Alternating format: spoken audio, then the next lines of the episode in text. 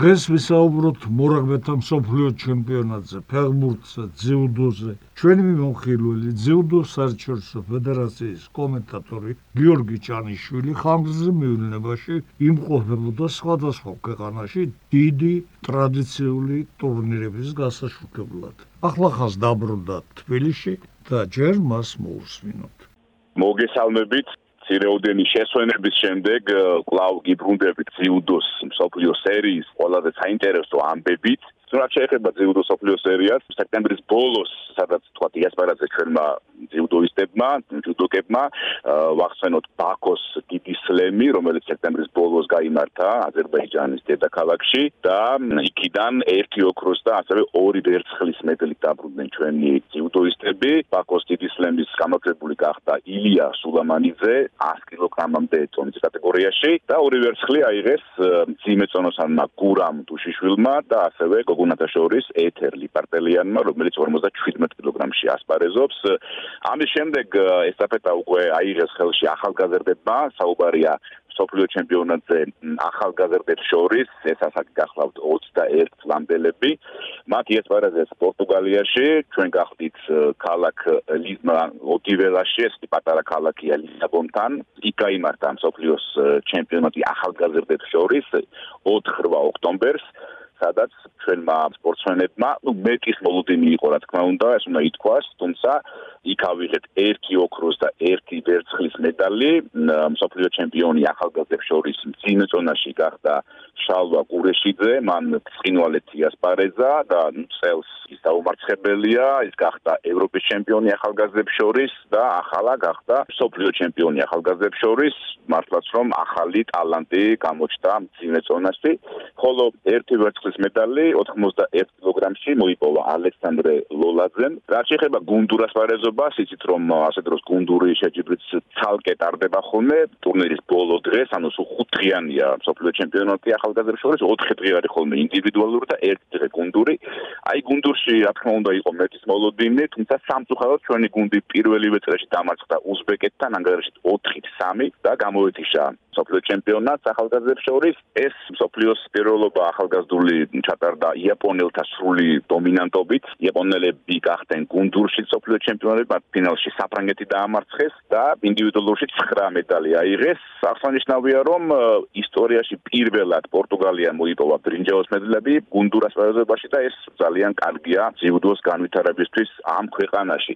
მე მომეცა შანსი და ეს შანსი არ გაუშვი ხელიდან დავწერებოდი ლისაბონის სპორტინგის საშინაო მაჩს სამწუხაროდ ვერ შევძლიეს UEFA-ს ევროპა ლიგის მაჩზე, სადაც სპორტინგი შეხვდა ბერგამოს ატალანტას, თუმცა ბილეთები უკვე ჩვენი მეგობრების დაახლოებით ვიშოვეთ პორტუგალიის ჩემპიონატის მაჩზე, პრიმეირა ლიგა, ასე ქვია პორტუგალიის ჩემპიონატს და გამოგზავრების წინა დღეს, კვირა დღეს იყო პორტუგალიის ჩემპიონატის მატჩი, სადაც სპორტინგი შეხვდა არუუკას, პირველად გავიგე ამ გუნდის სახელი, თუმცა სტადიონზე სიტის ფეხბურთის მოყვარულმა სტადიონი ჟოზე ალვალადეს სახელობის სტადიონი, სადაც 40000-მდე გულშემატკივარი დაესწრო ამ მატჩს და ლისაბონის სპორტინგის მატჩი, რა თქმა უნდა, საინტერესოა სპორტის გულშემატკივრისთვის. 2-1 გაიმარჯვა ლისაბონის სპორტინგმა.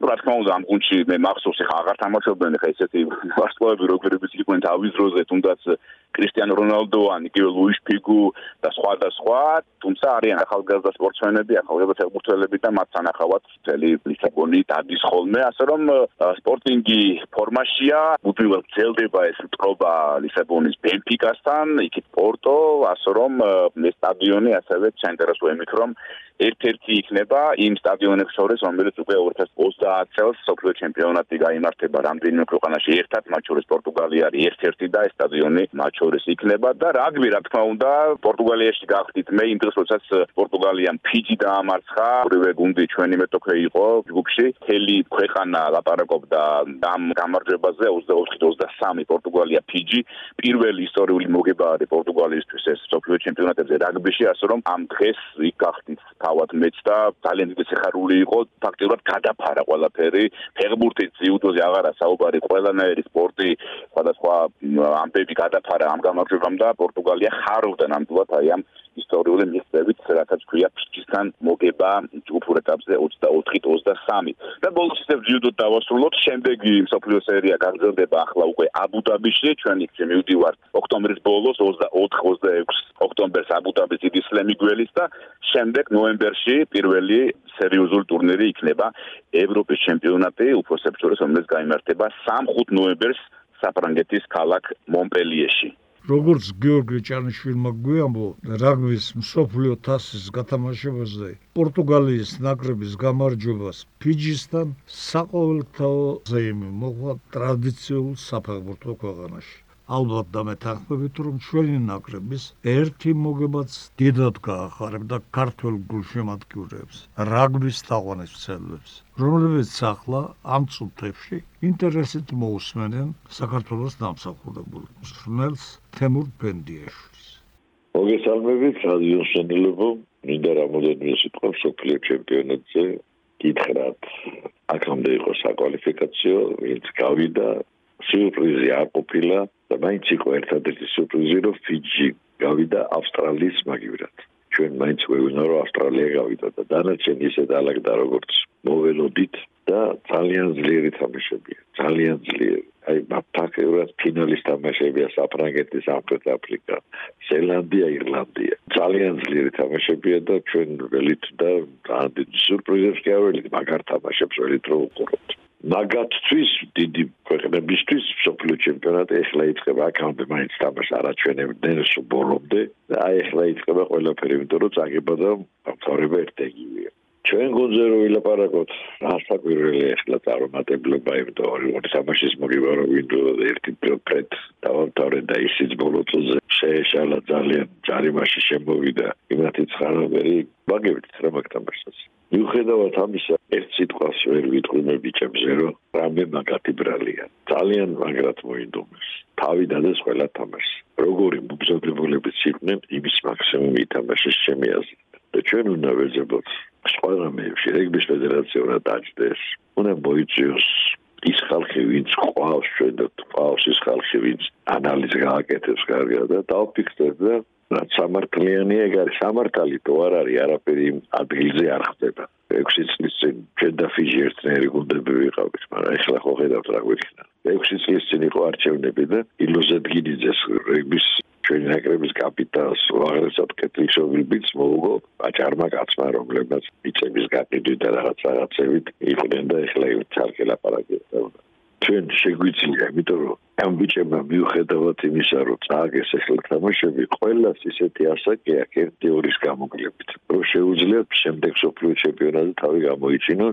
ტრადიციული ჩვენი მომზადებით დიდი ასხვება არ არის ეგ და ის როგორ ვიზავთ მაგას, ის ჩამოვიყვანთ, რაც გამოჩნდა, გამოჩნდა ახლა ამას რა ვიცი, მე დაუბრუნდა. ერთი კულავი, ორი კულავი, ის ერთ თამაში ფრეთ ვითამაშეთ, მაგრამ რო გავიხსენო პორტუგალიასა ჩვენ წელს ევროპის პირველობაზე პირველი ტაიმი წავაგეთ სამედიტაცი ერთი თამაში გოლანდიასთან 12-6 იყო პირველი ტაიმი. ეს რას ნიშნავს ეს რომ მეორე ტაიმს უგებთ იმიტომ რომ ჩვენი ბიჭები კაი კლუბებში თამაშობენ საფრანგეთში და ფიზიკურად კარგად არიან თორე ვერ უგებ პირველი ტაიმი ერთ-ერთი ვერ მოვიგეთ. წელსაც იყო ახლა ჩამოვიდა რუმინეთი. პირველი ტაიმი ვერ სამას მოვუგეთ ვერც ამერიკელებს მოვუგეთ კარგად ჩანდა ეს ყველაფერი მაგრამ ზოგი ხედავ ზოგი არა და ისე დაგვირებული თვალი შეატყუდა მაგას. და იმომავალი ისეთია ეხლა ბიჭების რომ აქ შანსი რომ ფიჯისაც მოუგონდა კიდე ერთი ორი სხვა გუნდებსაც ნუ შესაბამისი ყველაფერი სწორი მომართულებით და თვითონ ეს ბიჭები არიან ისეთები რომ პოტენციაში აქვს რომ მოიქონდეთ თამაშები და ნახოთ აბა რა იქნება შემდეგ. დიდი მადლობა. გეონდელი შეხვედრაც ფეგბურთი დაამთავროთ. ჩვენი ბათუმელი მონხილველი გია სანავა მივესალმები ჩვენს რადიო მსმენელებს.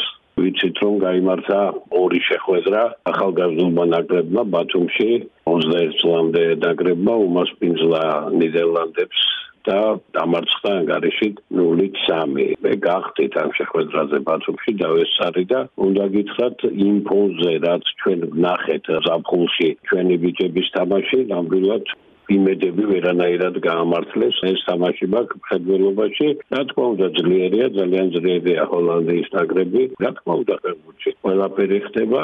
როცა გუნდი შეძლიერია, მაგრამ მე ვფიქრობ, რომ ჩვენ უკეთესად შეგვიძლია თამაში და მე არ ვიცი რა მოხდა, ალბათ სტრენების ფეხბურთელების დასვლას გააკეთებენ და შემდეგი თამაშისთვის უფრო მობილიზებულები და უფრო მოტივირებულები იქნებიან. რაც შეეხება ჩვენს ეროვნულ ნაკრებს, სიმართლე გითხრათ, დაგვირებული დავჭით და ასეთი სუსტი ნაკრები, რაც ტაილანდის ნაკრები იყო, ჯერ საქართველოსი მე არ მახსოვს. ნუ ამაზე ანგარიშიც მეწყვილებს ძალიან კარგია, რომ კვიპროსთან თამაშის წინ ჩვენ ასეთი ვარჯიში გამოგვივიდა, კაი ოპლიციდინეს ჩვენმა ბიჭებმა განწყობა შეიქმნეთ, ალბათ ნაკრების ესოურებმაც გაიხარეს, ძალიან კარგია, მაგრამ ყველაფერი შემდეგ თამაში თუ ასევე მოინდომეთ და ასევე გამოგვივიდა ხომ ძალიან კარგი. თუმცა გეძბაიამ განაცხადა რომ ჩვენ საბრძოლველად ვართ ჩაგოსული და საქართველოს ნაკრები ესპანეთის ნაკრები არ არის რა თქმა უნდა ვეტანხმები საქართველოს ნაკრები ესპანეთის ნაკრები არ არის მაგრამ არც ლუქსემბურგის და ლიხტენშტეინის ნაკრებია ნახოთ ყოველ შემთხვევაში იოლი თამაში არ იქნება არა მარტო იმიტომ რომ თემურ კეცბაია ჩვენი სახელოვანი ფეხბურთელი პროსიცტელი კი ბუჯეტ ფეხბურთის ზონე საკმაოდ მაღალია და მე ვფიქრობ რომ მაგაც სერიოზული ბრძოლა მოგვიწევს იმისათვის რომ მივახციოთ ჩვენთვის სასურველ შედეგს. მინდა ერთხელ კიდევ წარმატება უსურვო ჩვენს ფეხბურთელებს ჩვენ ვართ ნაკრები რომელსაც შეგვიძლია ნებისმიერ ნაკრებთან თამაში. ამიტომ აურებელი და გულშემატკივარი მოვითხოვთ უფრო მეც